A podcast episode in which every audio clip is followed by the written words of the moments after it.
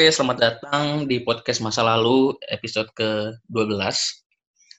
Uh, masih bareng gue, Farid, dan kawan gue, Fijar. Fijar. Ya. Uh, thank you banget buat semua yang udah pernah udah dengerin kita, uh, yang udah share mungkin. Thank you. Uh, kita langsung aja lah, nggak usah lama-lama ya. Kita langsung masuk ke pembahasan aja. Uh, topik kali ini tuh sebenarnya muncul dari keresahan gue, sebenarnya gue pribadi. Jadi uh, di apa ya di, di di zaman era internet ini tuh ada banyak sekali perdebatan yang salah satunya tuh yang paling gue suka untuk lihat tuh kayak masalah jejak digital gitu. Pernah denger kan, Jar? Pernah, pernah, pernah. Ya. Uh, jadi kayak misalkan ada seorang apa ya yang paling sering itu misalkan tokoh politikus gitu. Tahun 2012 dia nge-tweet sebut aja namanya FZ lah. FZ dia mendukung salah satu paslon di DKI Jakarta. Ketika 2014 uh, terjadi pemilihan presiden, dia ada di kubu yang berseberangan dengan salah satu paslon yang akhirnya jadi lawan capres dukungan dia gitu. Itu banyak tuh perdebatan kayak kemarin tahun 2012 eh 2011 kalau nggak salah pil pilgub DKI itu 2012 gue lupa deh. Bilang dukung yang ini, sekarang kenapa jadi nggak dukung yang itu lagi? Gimana sih nggak konsisten? Nah, ide besarnya tuh obrolan kali ini tuh itu kayak apakah bisa enggak atau gini deh uh, bagaimana kita nih anak sejarah gitu. Gua sama Fijar ya. Gua usah anak sejarah kayak beban banget gitu ya ngebawa nama opini sejarah. ya opini opini. Ya opini gue sama Fijar aja lah. Opini gue sama Fijar tentang menyikapi pemikiran seseorang di masa lalu dengan kacamata masa kini gitu misalkan. Mm -hmm. uh, mungkin ya tema ya formatnya kita ngobrol aja lah kayak biasa aja ya. Kayak biasa. Mm-hmm. lu mau ngelempar kasus atau gue dulu lempar satu kasus? Kayak dari kasusnya FZ tuh menarik ya eh, lu tapi lu tau kan yang kita omongin FZ ini siapa? Tahu tahu. Iya. Uh, sebenarnya kan kalau misalnya bahas sejarah itu kan ini uh, ininya ya apa namanya uh, secara garis besar secara keilmuan sejarah itu ada dua hal yang paling mendasar di sejarah. Pertama, sumber sejarah yang terpercaya. Kedua, makna dari sejarah itu sendiri. Makna, terus eh, konteks mungkin dan segala macam. Pokoknya nilai nilai yang ada di sejarah di di peristiwa masa lalu tersebut gitu. Nah, terus berkaitan sama FZ yang mendukung calon gubernur, ya disesuaikan. Kalau menurut gue sih, ya sesuaikan dengan konteksnya pada saat itu. Kalau misalnya memang konteksnya ya dia sebagai pen, sebagai misalnya uh, partai koalisi untuk mendukung gubernur misalnya, ya it's okay. Ya emang, emang tugasnya dia seperti itu gitu loh menurut gue.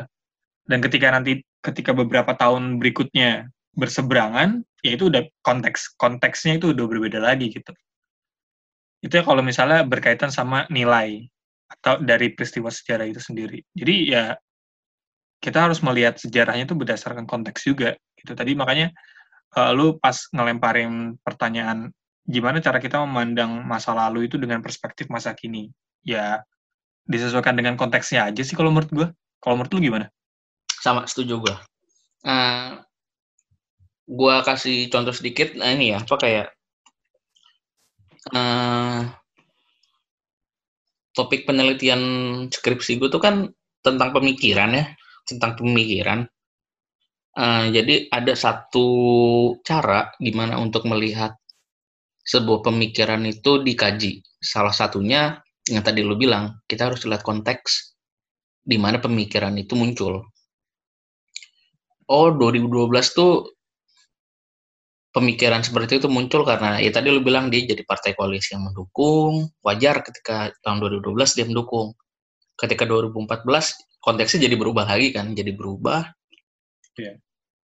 oh ternyata dia nggak udah nggak satu kubu nih udah nggak satu kolam lagi pantas dia sudah tidak mendukung misalkan nggak satu kolam emang emang ini apa namanya ikan kalau kecebong lu masih ingat tuh ya? Masih inget dong.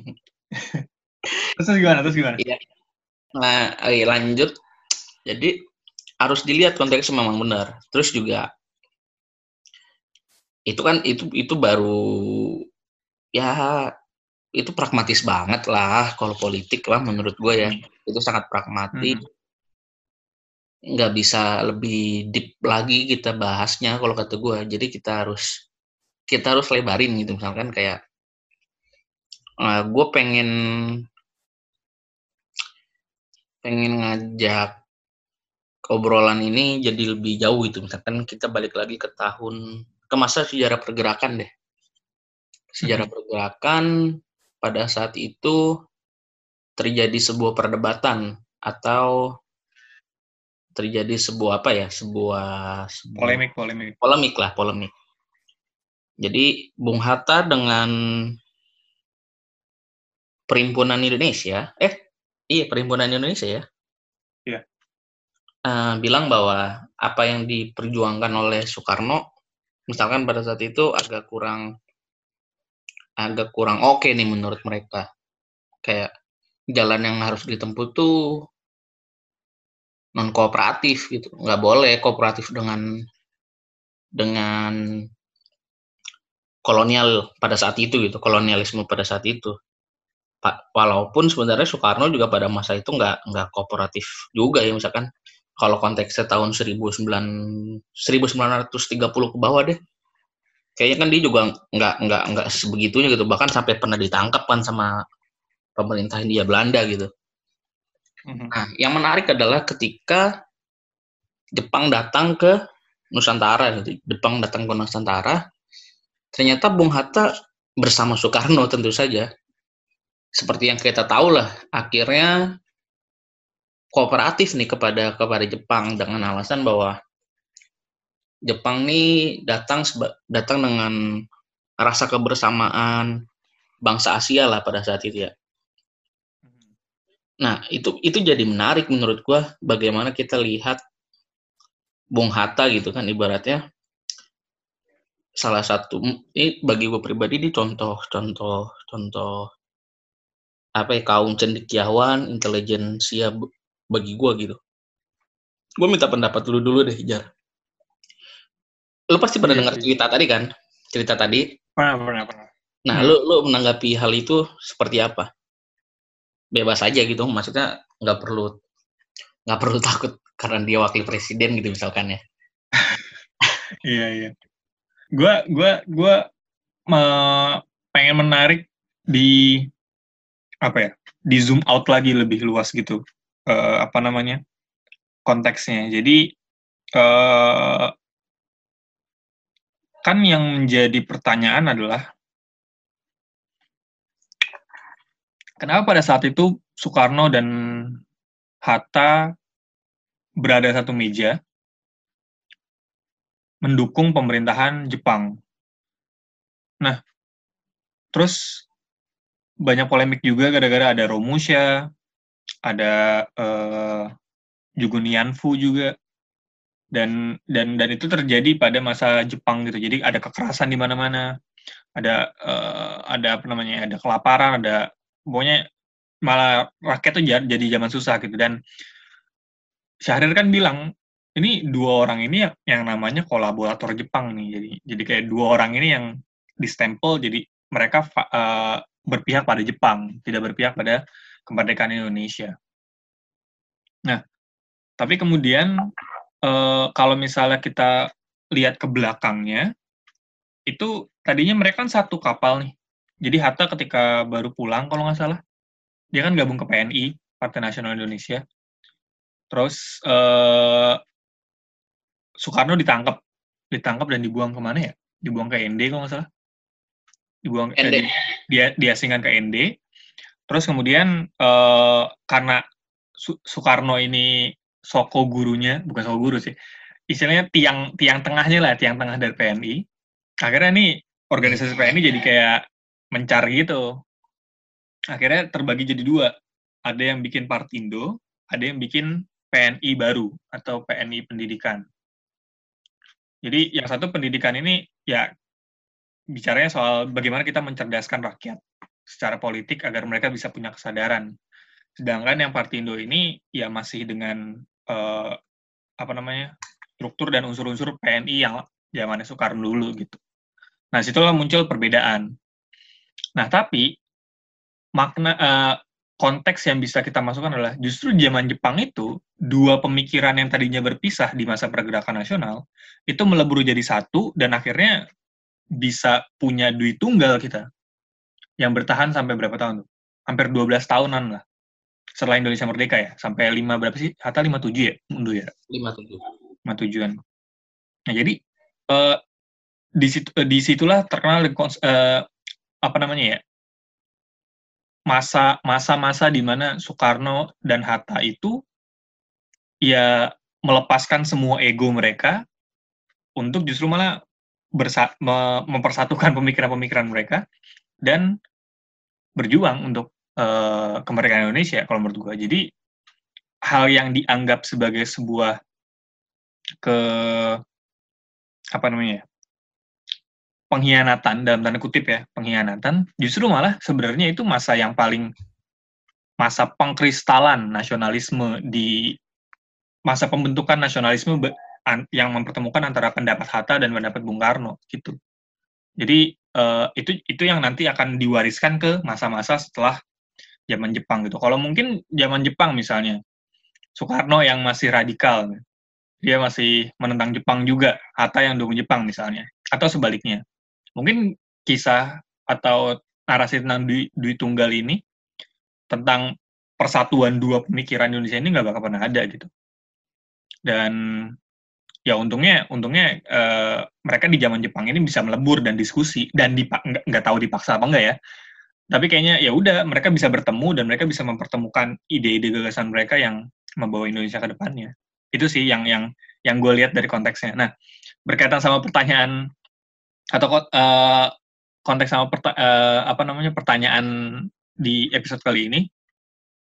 Ya itu tadi apa namanya sesuaikan dengan konteksnya. Entah itu konteksnya di sebelum apa namanya sebelum uh, peristiwa sesud ketika peristiwa atau zaman Jepang itu atau se setelahnya dan setelahnya setelah zaman Jepang itu. Apa yang terjadi di sana? Jadi konteksnya itu bisa tiga fase gitu kalau menurut gue dan dan itu harus diperhatikan terus sih pentingnya di situ juga lu tuh uh, ngerjain apa namanya skripsi tentang Pak Arif Budiman kan juga mengalami apa ya?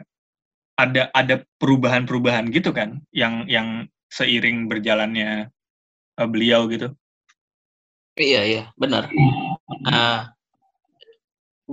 yang yang menarik adalah menurut gua memang apa ya memang memang gitu kodratnya manusia gitu loh. Kayak iya benar yang namanya pemikiran itu pada akhirnya memang berubah seiring dengan oh, bertambahnya umurnya nggak usah bertambah nggak usah bertambahnya umur ya karena nggak bukan jaminan.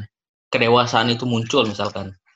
Tadi lo udah mention kayak egonya dilebur atau di dikesampingkan terus juga kayak uh, ya selama selama dia selama dia berjalan hidup gitu kan pasti juga banyak buku-buku banyak-banyak pemikiran yang masuk ya. Sedikit banyak kan pasti itu mempengaruhi cara pikirnya dan kemudian me, apa ya me, melengkapi pemikiran dia sebelumnya yang mungkin dirasa dia pada saat itu mungkin benar tapi ketika dia mengalami uh, apa seiring berjalannya waktu dia merasa bahwa pemikiran seperti itu juga nggak nggak bagus gitu bagi dia kita juga kan mengalami seperti itu kan kayak kayak gue gue tuh kan install salah satu aplikasi yang bisa ngelihat tweet-tweet lama ya yeah gue suka jijik gitu loh dengan dengan tweet-tweet gue tahun 2011, 2012. Apalagi buka Facebook ya? Udah, parah banget itu. jadi gue iya, gue jadi kayak suka mikir kayak sekarang itu kayak kalau nge-tweet jelek biasa selang 15 menit langsung gue hapus gitu. Jangan bikin malu gue di masa depan dah gitu gimana. jadi mikir-mikir lagi ya untuk ini ya. Iya, jadi kayak padahal mah sebenarnya nggak apa-apa Hmm, itu. bener. Bu- Bagi gue sih itu nggak apa-apa ya maksudnya. eh ya itu tadi yang namanya nah yang namanya hidup kan bergerak ya, bergerak, berkembang, bertumbuh, wajar lah manusia manusia tuh mengalami perkembangan pemikiran yang berbeda. Bahkan dia bisa menentang apa yang dulu dia dia yakini dan nggak dan nggak menutup kemungkinan hal itu memang banyak terjadi di kehidupan kita. Dalam kasus Arif Budiman misalkan yang gue teliti, dia dia salah satu penanda tangan manifesto ke- kebudayaan gitu. Mani Kebu yang kita tahu bahwa bahwa merasa seni itu adalah universal. Semua orang bisa semua orang bisa apa? Bisa membuat karya seni dan dinikmati di konteks mana pun gitu misalkan. Salah satunya ya. Pam- apa, paham seni universal itu. Itu tahun 63 tahun 84 si Arif Budiman sama Ariel Heryanto bikin yang namanya eh, bikin seminar sarjana kesenian di Solo yang waktu sebe- sebelumnya kita sempat bahas juga namanya sastra kontekstual itu mengkritik sastra universal memang tapi secara umum dia mengkritik karya seni secara universal gitu bahwa nggak bisa nih ternyata karya karya seni itu dilepaskan dari konteksnya kayak ngapain gitu sastrawan Indonesia ngomongin awan ngom eh ngomongin salju di Indonesia aja tuh nggak ada salju Hmm. nah Iya, pemikiran iya. pemikiran seperti itu eh kejadian seperti itu yang akhirnya bikin gue selama gue penelitian kayak oh iya juga ya pemikiran tuh ternyata bisa bisa bisa segitu lenturnya gitu berubah. Padahal yang tadinya kita yakini sekali gitu. Bahkan Arif Budiman tahun 63 selang berapa tahun ya setahun kalau nggak salah di akhirnya kan Mani Kebu dilarang sama Presiden Soekarno. Mhm. jadi kalau pengen nulis harus makin nama samaran itu baru Arif Budiman belum yang lain kayak Habib Yasin, Wiratmo Sukito gitu sampai kehilangan pekerjaan gitu dicopot dari balai badan bahasa kalau nggak salah. Itu baru itu baru itu itu yang gue gue dapat dari penelitian gue sih maksudnya kayak ya pemikiran pemikiran manusia itu ya bisa berkembang bisa berubah bisa bertumbuh gitu. Jadi kalau kalau gue melihat opam melihat dari kacamata sejarah bagi gue eh yang namanya kedewasaan pemikiran tuh nggak datang dari nggak datang dari dari si pembuat karya gitu dari tulisan. Dari kita juga perlu perlu apa ya perlu adanya kedewasaan sih buat buat melihat konteksnya tadi kalau kita balikin lagi. Benar-benar gue di di di mana ya? Di buku-buku yang gue baca. Jadi eh pemikiran manusia itu emang selalu selalu fit in apa ya dengan dengan lingkungannya gitu loh. Jadi guys Iya, Zengates. Jadi eh se apa ya, sekuat apa pun idealismenya, itu pasti dia berusaha untuk me apa ya, memasuk me, me- apa namanya sih? Me- menempatkan pemikiran itu pada dalam satu wadah lingkungan masyarakatnya gitu, konteks waktunya. Contohnya eh, kalau misalnya kayak misalnya Arswendo deh waktu itu. Arswendo kan pernah nulis tentang G30 FPKI kan, Yap. novelnya kayak gitu. Terus eh, ketika dia menulis itu, tentu dia mungkin me- meletakkan pemikiran-pemikirannya tentang konteks pada saat itu, di mana ada transisi ada transisi pemerintahan, ada transisi politik di sana, eh, sehingga dia bisa bisa memberikan satu gagasan yang dia tulis pada saat itu. Tapi beberapa tahun kemudian, ketika dia misalnya nulis keluarga Cemara misalnya, yang disinyalir sebagai apa namanya eh, kritik pada keluarga Cendana, kayak gitu. Terus eh, setelah itu dia misalnya bikin yang waktu itu pernah kita bahas juga ada kontroversi majalah Monitor misalnya. Soeharto nomor berapa sih? Ya. siap kenapa Soeharto nomor berapa ya di majalah Monitor? ya? gua nggak ngeh kalau Soeharto cuman yang jadi diperdebatkan itu nama Posisi dia Arswendo ya. iya Arswendo tuh di atas satu bahwa misalkan Arswendo nomor 6 nomor 7 itu Nabi Muhammad kayak gitu. Iya, jadi eh, dia juga pasti fit in lah dengan dengan dengan kondisi lingkungan pada saat itu gitu. Makanya kemudian dalam beberapa sejarah, beberapa peristiwa sejarah itu ada istilah yang namanya eh, minoritas kreatif namanya. Itu teorinya Toynbee kalau nggak salah. Jadi eh, jadi eh, ada sekelompok kecil yang mereka berusaha untuk eh, membuat satu yang hal yang baru. Itu namanya mi- eh, minoritas kreatif. Create, mereka membuat satu yang baru gitu. Dan pasti mereka dari dari dari dari kelompok kecil kan atau dari individu punya pemikiran ini. Dan kayak misalnya contoh eh, sejarah Islam deh. Kan sejarah Islam kan dia dari tunggal nih. Muhammad misalnya. Nabi Muhammad terus eh, disebarkan ke teman-temannya, eh keluarganya, teman-temannya itu kan artinya dari kospik yang paling kecil kan. Terus kemudian melebar, melebar, melebar, melebar. Nah, kospik yang kecil tadi di awal itu pasti bertentangan dengan lingkungan alamnya, lingkungan sekitarnya. Ya kan? Nah, itu namanya minoritas kreatif. Pun sama kayak misalnya zaman pergerakan nasional. Eh si siapa namanya? Soekarno, Hatta itu minoritas kreatif yang ada pada masa itu. Dia sok ngide, sok ngide. Dia ngide untuk bikin eh, anti gerakan anti kolonialisme. Terus ya udah dilawan dengan hal itu. Terus kemudian menyebar, menyebar, menyebar jadi nasionalisme. Nah, eh berkaitan sama topik kita kayak di di di hari ini di episode di episode kali ini itu yang namanya pemikiran manusia itu pasti ngikutin zaman itu tadi gitu. Ikutin pasti pasti selalu sesuai dengan konteks zamannya deh. Kalau misalnya semua orang ketawanya pakai haha ya pakai haha semua. Kalau misalnya ada yang tiba-tiba bilang wek wek misalnya WKWK gitu ya WKWK semua gitu. Ini dari yang hal paling kecil ya. Nah Hmm. pun sama dengan bahkan dari zaman sebelum-sebelumnya juga kayak gitu. Pasti menyesuaikan dengan konteks atau dengan lingkungannya. Nah pas uh, Pak Arief Budiman kan juga tahun 66 kan? Angkatan 66 nggak sih? Ya kan? Yap. Uh, dia juga punya punya mungkin dia juga anti pada pemerintahan Soekarno pada saat itu pemerintahan demokrasi terpimpin. Tapi kemudian ketika dia mengkritik pemerintahan Orde Baru bukan berarti dia apa namanya yang tadinya pro orde apa namanya demokrasi terpimpin terus tiba-tiba berubah dengan anti eh, orde lama eh orde baru juga gitu. Itu bukan satu perubahan itu justru malah konsistensi sikap kalau menurut gue Terlep- terlepas siapa yang dilawan itu konsistensi sikap. Kayak gitu. Jadi nggak bisa dimaknai dari satu sudut pandang bahwa dia eh, apa namanya bahwa dia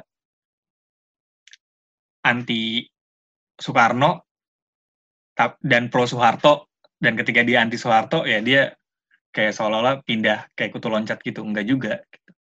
itu sih kalau menurut gue nangkap nggak? Paham paham paham. Dan jadi eh, dan dari sudut dari sudut pandang itu. Dan yang mengerikan pada akhirnya kita kita terjebak di label-label itu kan jar.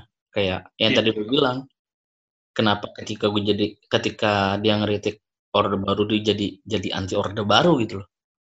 Mhm. dan kalau kita ngomongin konteks orde baru dengan dengan pelabelan seperti itu tuh sangat mengerikan loh. Iya. sangat mengerikan dari yang tadinya lo cuman kritik dianggap jadi anti orde baru keluar aja satu kata dari orang. Ah dasar lu PKI udah tuh lu nggak bisa ngelak apa apa tuh kalau zaman orde baru. Iya Mau jadi propose. ini stigma masyarakat. Iya lu mau berusaha mau berus, berbusa-busa lu tuh udah kelar tuh. Yang yang yang seperti itu kan pada akhirnya kan jadi jadi jadi apa ya? Jadi tidak menyehatkan ya begitu. Jadi jadi tidak iya benar banget. dan dan Indonesia kini tuh lu melihat ada ada ada ada bibit seperti itu nggak sih Jar? Iya, uh, kalau menurut gue justru apa ya? Gue selalu bilang ini uh, paradoks mungkin ya dari ketika kita menuntut demokrasi padahal kita belum paham atau belum belum bisa memaknai demokrasi itu sendiri. Jadi waktu reformasi kita minta demokrasi, terus kita nggak melihat di secara secara luas apakah masyarakat kita siap dengan demokrasi gitu. Jadi eh, kalau misalnya kita memaknai demokrasi itu sebagai suatu kebebasan aja untuk mengutarakan pendapat, itu maka akan apa ya? Akan terjadi uh, ketimpangan akan terjadi ketimpangan antara orang-orang yang memang punya kemamp uh, memang punya kemampuan untuk berbicara dan orang-orang yang tidak memiliki kemampuan untuk berbicara. Itu akan jauh banget. Kalau misalnya kita pakai hak berbicara ya, hak akan bersuara, menyatakan pendapat. Orang yang nanti orang yang minderan itu akan menjadi semakin minder ketika ada orang yang bisa mengutarakan pendapatnya. Nah, terus uh, ketika dia punya keberanian untuk menyatakan pendapat, misalnya hari ini dia menyatakan pendapat nih, gini gini gini gini. Terus kemudian uh, di masa depan dikatakan kalau misalnya dia pernah berbilang demikian, eh dia pernah bilang demikian di masa lalu gitu. Yang bertentangan dengan dia hari ini. Dan uh, itu kalau menurut gue jadi satu hal yang membingungkan. Saat, di satu sisi dia masih dalam bentuk proto demokrasi nih. Dia masih masih masih ya masih kecil lah untuk berbicara dalam satu kosmik. Misalnya Raisa sebelum terkenal dia bilang, aduh mau makan nasi goreng nih gitu. Aduh mau masih makan nasi goreng pinggir jalan nih misalnya. Misalnya Raisa ngomong itu tahun 2011 misalnya. Terus pas udah terkenal itu tweet itu diungkit lagi misalnya gitu. Kan dia bilang seperti itu kan karena memang ya memang pada saat itu dia dia sebagai seorang yang belum ter, belum terkenal mungkin dia belum belum punya belum punya follower yang banyak gitu. Jadi dia ya dia followernya masih teman-temannya aja. Aduh gue pengen nasi goreng nih misalnya. Aduh pengen nasi goreng pinggir jalan. Enak banget nih. Atau aku tahu maki-maki orang atau apalah gitu. Tapi di masa di di kemudian hari diungkit tweet itu tanpa melihat uh, ruang itunya juga, ruang apa ya, ruang bicaranya dia juga pada saat itu. Nah itu yang yang yang jadi problem di demokrasi juga ketika uh, kita menyalahkan seseorang dalam konteks kebebasan berpendapat, tapi apa namanya kita nggak nggak melihat lagi pada apa ya pada uh, cakupan atau kemampuan ketika dia menyatakan pendapat tersebut gitu. Eh, tapi kalau lu ngasih contohnya Raisa kayak terlalu aman jar. oh iya sih. Masih ter dan dan nggak nggak apa ya nggak nggak nggak apple to apple lah bagi gue ya bagi gue tapi. Mm-hmm. Tapi tapi gue dapat poinnya bahwa ya balik lagi ke uh, apa dari top dari pelajaran kita hari ini bahwa memang harus melihat konteksnya kan. Tapi tapi menurut uh, yang menurut gue kita udah kita udah udah sepakat nih bahwa kita harus ngeliat konteksnya ya kita udah ngeliat kita harus ngeliat konteksnya dulu ngeliat oh evolusi pemikiran dia seperti apa gitu misalkan ya atau hmm. status dia sekarang seperti apa gitu apa yang membuat dia akhirnya merubah pemikirannya gue gua gue tertarik untuk ngobrolin ini sih tapi terserah kalau lo nggak mau ya lo bilang aja ya tadi karena lo yeah. masalah demokrasi gitu bahwa ada orang yang mampu membicarakan, ada yang tidak gitu misalkan ya. Hmm. Hmm, menurut lo, eh ini gue dulu deh, gue dulu. Menurut gue tuh sebenarnya nggak masalah loh kalau kita ada di bentuk demokrasi, tapi kebebasan tuh kebebasan berbicara misalkan Hmm. Itu diyaki di diyakininya tuh memang se sebebas-bebasnya, misalkan kayak apa ya, misalkan gua rakyat Venezuela misalkan, atau gua rakyat Meksiko, gua nggak suka dengan presiden Meksiko, tapi kebetulan gue cuma lulusan dari sekolah dasar gue kuli kuli panggul dan gue tidak punya tidak punya kemewahan intelektual seperti yang lain. Ketika gue mengungkapkan kekesalan gue kemarahan gue karena karena ketidak ketidak apa ya ketidaksamarataan pendapatan kemakmuran dari negara yang diberikan negara ketika gue mengkritik presiden dengan bilang bahwa uh, misalkan nama presidennya Cardozo gitu misalnya. Cardozo telek okay. misalkan Cardozo Cardoso goblok. Menurut gue itu nggak apa-apa loh. Hmm. Fair. Karena, karena itu bentuk-bentuk bentuk kemarahan bentuk bentuk kritik uh -huh. dan dia bisanya cuma segitu nggak menurut gue susah sih memang kalau kalau ngomongin batasan batasan batas-batasan hmm. itu jadi jadi jadi susah banget ya. Jadi bias ya? Iya jadi sangat bias. Kalau menurut tuh gimana? Iya uh, gue setuju bener bener kayak gitu. Tapi coba misalnya gini kalau misalnya dia bilang uh, Cardozo siapa? Cardozo Cardo Cardozo brengsek misalnya atau Cardozo korup deh. Cardozo korup yeah. misalnya itu dia ngomong kayak gitu didengar sama siapa? Kalau misalnya dia seorang petani misalnya di satu daerah terpencil di satu desa dia ngomong kayak gitu di warung kopi misalnya. Kalau misalnya di warung kopi dengan uh, tingkat lingkungannya di seperti itu itu ya nggak masalah gitu. Yang jadi masalah adalah ketika itu dipermasalahkan di tingkat nasional gitu. Kayak kemarin deh yang apa yang ada orang buat jokes polisi baik cuma tiga, polisi jujur cuma tiga, patung polisi, polisi tidur sama polisi hugeng gitu kan. Itu itu kan ditangkap sama polisinya kan di sana. Mungkin dia cuma nge-tweet nge-tweet nge-tweet ya nge-tweet gitu nge-tweet doang buat teman-temannya dia mungkin ya buat have fun aja. Tapi kan jadi itu jadi problem ketika ditafsirkan bahwa itu sebuah hal yang luas gitu loh. Makanya tadi gue bilang ketimpangan. Ketika ada orang yang space demokrasinya nih segini, se sekampus lah misalnya. Eh jangan kampus. Se sedesanya dia, space demokrasinya dia ya.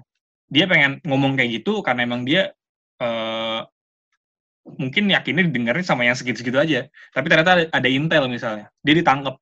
Nah, itu jadi problem. Ya, nggak usah ditangkap dong.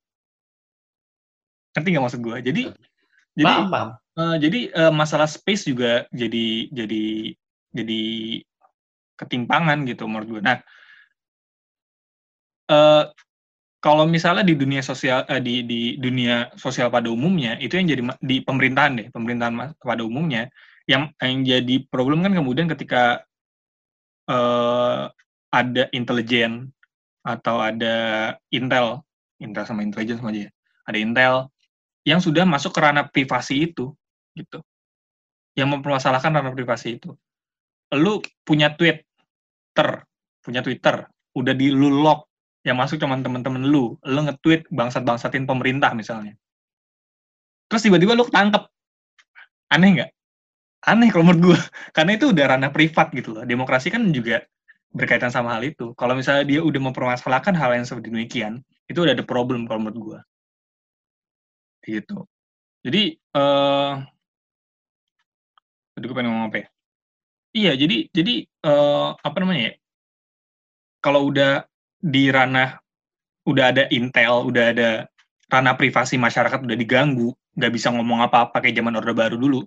Semua kayak ada ada ada apa namanya? ada speakernya ada mikrofonnya gitu jadi kedengeran itu jadi nggak nyaman bagi masyarakat sendiri jadi nggak bisa mengekspresikan demokrasinya mereka Terga uh, dari space kecil mereka itu nah kalau sekarang di dunia maya sama juga.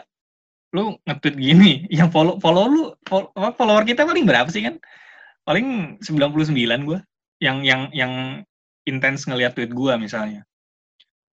Kalau gue ya cuma sekian doang gitu. Gue buat Insta story misalnya untuk close friend berapa gitu. Berapa yang nonton berapa gitu.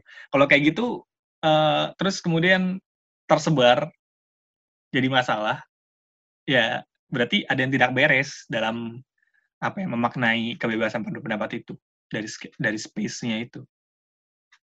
Itu sih. Ya, dan dan jadi tidak menyehatkan tadi ya balik lagi. Dan kita kan sudah ya walaupun tidak baik jalannya menurut eh, walaupun tidak tidak sempurna ya tapi 22 tahun kita reformasi ini udah cukup lumayan sih bagi gue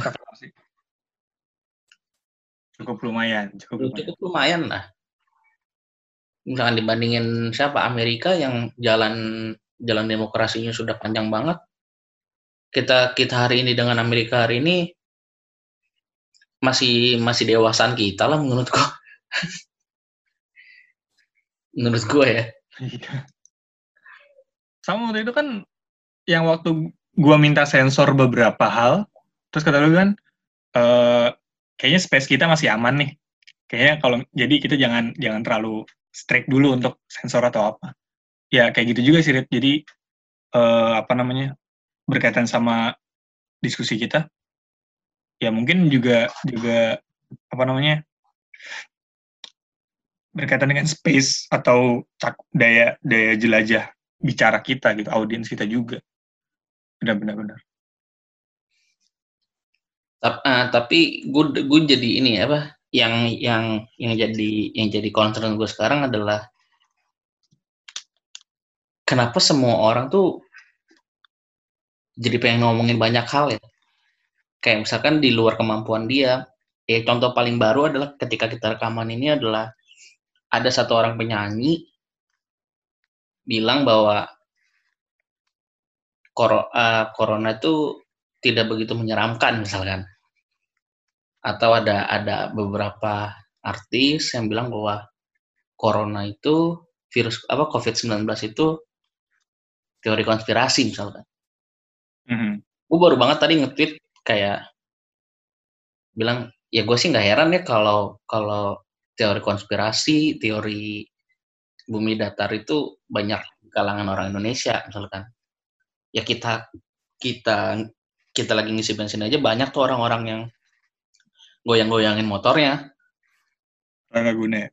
Iya maksud kan gak ada gunanya gitu loh, lu, lu, lu, itu kan udah cair ya, dan pasti masuk ke dalam sela-sela yang nggak bakal terjamah dengan benda padat gitu loh. Tapi itu anekdot ah, itu itu lelucon aja lah bagi gue tapi menurut gue ketika orang ini bagi gue ya yang yang tidak menyenangkan hmm. dari kebebasan berbicara setelah kita ditahan ngomong selama 32 tahun adalah banyak orang yang pada akhirnya tuh ngomong di keluar kemampuan dia di luar kalau siapa tuh yang bikin buku The Death of Expertise uh, oh iya Tom Nichols, Tom Nichols. Ya, eh, siapa Iya, yang bukunya gue pinjam dari yeah. lo ya. Uh-huh. Dia kan bilang bahwa nggak semua orang perlu ngomong kalau itu di luar ke ke apa kepakaran dia gitu loh. Uh-huh. Itu yang itu yang jadi bermasalah bagi gue dengan kebebasan berbicara sih pada akhirnya. Kalau kita kaitin ke situ, menurut lu pandangan lu gimana? Iya bisa bisa malah yang jadi apes kita Rit orang-orang sejarah semua orang kayaknya bisa lo kalau misalnya orang bangun jembatan ya harus pasti harus insinyur nggak bisa orang biasa mau nggak bisa nggak bisa dokter lu bangun jembatan kalau misalnya dokter atau ahli farmasi misalnya ahli kimia ya pasti ada ada ada orang khususnya. Nah kalau sejarawan semua orang tuh baca buku aja udah bisa bisa mentahbiskan diri dia sebagai seorang sejarawan loh. Jadi baca satu dua buku itu bisa bisa bisa oh gila gue tahu sejarah gue bisa bisa bicara banyak segala gue bukan merealiskan bukan bukan apa ya bukan uh, sombong atau apa ya tapi uh, faktanya fakta kenyataannya menyepelekan sejarah itu yang yang yang yang membuat orang jadi bisa ngomong seenaknya soal sejarah itulah kenapa kita nggak pernah bisa diskusi uh, dan menyelesaikan beberapa hal-hal yang berkaitan misalnya dengan HAM. Itulah kita nggak bisa ber, uh, gak, belum bisa selesai diskusi soal uh, apa namanya tentang sejarah-sejarah di masa lalu atau peristiwa-peristiwa masa lalu yang yang perlu di di, di apa namanya di diberi penilaian baru, penilaian penilaian ulang gitu, dinilai ulang gitu. Nah, itu jadi itu yang jadi masalah kalau menurut gue. Jadi ketika orang menggampangkan makna sejarah, ah sejarah baca oh gue tahu nih sejarah ini oh gue tahu kayak ini jadi jadi apa ya jadi jadi problemnya di situ sih dan itu tidak didukung dengan uh, apa ya dengan pola-pola berpikir sejarah itu sendiri gitu yang bagaimana dengan tadi konteks misalnya. Simpelnya dengan konteks dengan jiwa zaman dengan uh, apa yang disebut dengan uh, apa namanya periodisasi terus kemudian lebih dalam lagi misalnya membahas tentang kontinuitas dan diskontinuitas. Itu jadi uh, ya itu memudahkan memudahkan sejarah itu gampang jadi masalah gitu. Jadi semua orang bisa bisa berbicara sejarah juga itu gitu. Iya ngomong jadi sejarawan gampang. Belum ngerasain dia beli satu buku cuma jadi dua paragraf ya. Iya dia. Nemu bu nemu apa nam apa namanya uh, nemu uh, buku nggak lengkap tahunnya aja udah ketar ketir gitu kan. Iya maksud maksud gue maksud gue gitu. Maksud gue uh, gue bukan sekali lagi gue bukannya ber, ber apa ya bermaksud sombong untuk bahwa sejarawan harus begini sejarawan harus begini. Bukan. Tapi menjadi sejarawan itu kalau menurut gue semakin lu belajar sejarah kalau menurut gue lu akan semakin apa ya skeptis mungkin. Akan menjadi semakin uh, apa ya mungkin bisa dibilang uh, wise atau bijaksana kayak apa ya kayak kayak uh, lo akan lebih banyak diem deh kalau misalnya lo tahu uh, kita kita bicara kita bicara banyak. Eh, kita kita kita udah belajar banyak sejarah. Lu bagai lu bak, kita kan bakal banyak tahu bangsat-bangsatnya manusia zaman dulu kayak gimana. Ketika ngebahas misalnya konflik dengan kolonial Belanda yang selama ini kita tahu kita lawan Belanda tapi ternyata juga ada orang-orang kita yang bekerja sama dengan kolonialisme misalnya. Oh ternyata juga ada orang orang-orang kita yang berkhianat misalnya yang pindah pindah apa namanya pindah kubu misalnya. Terus uh, bagaimana uh, uh, pemerintahan-pemerintahan zaman sepanjang sejarah kita itu banyak membantai orang-orang banyak yang membunuh orang-orang banyak yang banyak terjadi terjadi apa namanya ya kejahatan-kejahatan seperti itu. Ketika lu tahu-tahu hal kayak gitu apakah lu masih membangga-banggakan sejarah? Ketika lu terjadi hal kayak gitu apakah lu masih apa ya masih bicara banyak soal sejarah kegemilangan kayak gitu? Kan enggak. Menurut gue jadi kita akan menjadi semakin banyak berhati-hati sih kalau sejarawan itu. Kalau misalnya nggak ditanya atau enggak dan menyadari bahwa hmm. pemikiran tuh ternyata nggak banyak berubah ya cuman cuman cuman diperbarui dengan konteks zaman aja gitu. Iya. Benar sih. benar kayak makanya gue, gue ya itu gue di episode sebelumnya kan gue bilang juga bahwa gue demen ngeliat ngeliat banyak sejarawan tuh ketika datang di acara suatu debat diskusi itu biasanya mereka jauh lebih tenang jauh lebih kalem dibanding yeah. lain iya. Cenderung lebih apa ya? Cenderung iya cenderung lebih tenang cenderung lebih santai aja menanggapinya. Gue gue ngeliat di gue ngeliat tipikal-tipikal ini di, di dosen-dosen kita sih. Dan apa ya dan ketika gue ngeliat eh ketika gue ngeliat misalnya kuliah umum dengan uh, dosen sejarah di dari universitas lain gue juga ngerasa oh ternyata emang tipikalnya kayak gini gitu. Jadi semakin yep. semakin apa ya semakin mengerti memahami bagaimana uh, apa yang harus dibicarakan pada saat pada saat apa ya pada saat uh, atau apa yang harus dibicarakan terhadap satu peristiwa gitu. Tidak menggambar-gemborkan kegemilangan dan tidak men, apa ya, meng, meng, meng, apa ya, menaik, menaik-naikkan, mengglorifikasikan uh, apa yang sebenarnya biasa saja gitu. Taufinis ya. Taufinis ya.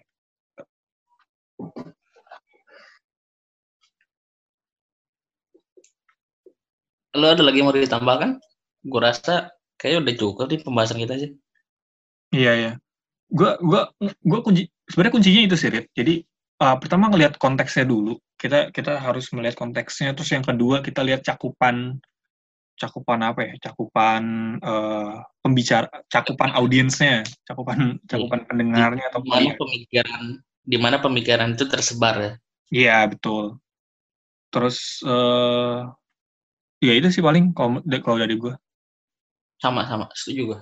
Dan ketika dia eh tadi ketika ketika dia berubah pemikirannya konteks konteksnya harus dilihat dan ya perjalanan orang ya perjalanan orang tuh mengalami perubahan menurut gue wajar-wajar aja sih wajar-wajar aja gitu M mungkin udah Bener. segini aja kali ya buat episode kali ini dari gue udah sih udah bingung juga maksudnya kayak pengen di, ditambahin lagi malah nggak ketemu ujungnya nanti karena bukan, kita udah bukan nggak ketemu ujungnya, tapi emang kita udah sepakat gitu, udah sepakat di awal. Enggak dan dan dan udah udah udah menurut gue udah nggak bisa dibahas lagi. Kalau dibahas lagi bisa, tapi kayak ujung-ujungnya ke situ kan. Iya benar. Oke, uh, terima kasih buat yang udah dengar. Uh, kalau pengen salam-salam atau pengen ngobrol, krit uh, ngasih saran tuh boleh banget ya di akun pribadi kita boleh di kalau di gue di semua akun gue namanya at farid underscore efte kalau Fijar kalau gue di Instagram at m fijar l. M fijar l. Twitter nggak usah lah ya. Twitter nggak usah. Gue gue banyak sambatnya uh, kalau pengen email ke kita misalkan pengen pakai anonimus boleh di podcast masa lalu at gmail.com nah boleh boleh lah kayak pengen ngasih saran kritik mungkin atau pengen ngajak kolaps pengen ngajak ngomong bareng ngobrol bareng boleh banget kabarin kita aja di email atau akun pribadi mungkin segitu aja untuk episode kali ini terima kasih udah denger lu boleh bantu kita lah untuk share-share video eh, share-share episode-episode kita sebelumnya dan episode yang ini. Bye. Bye.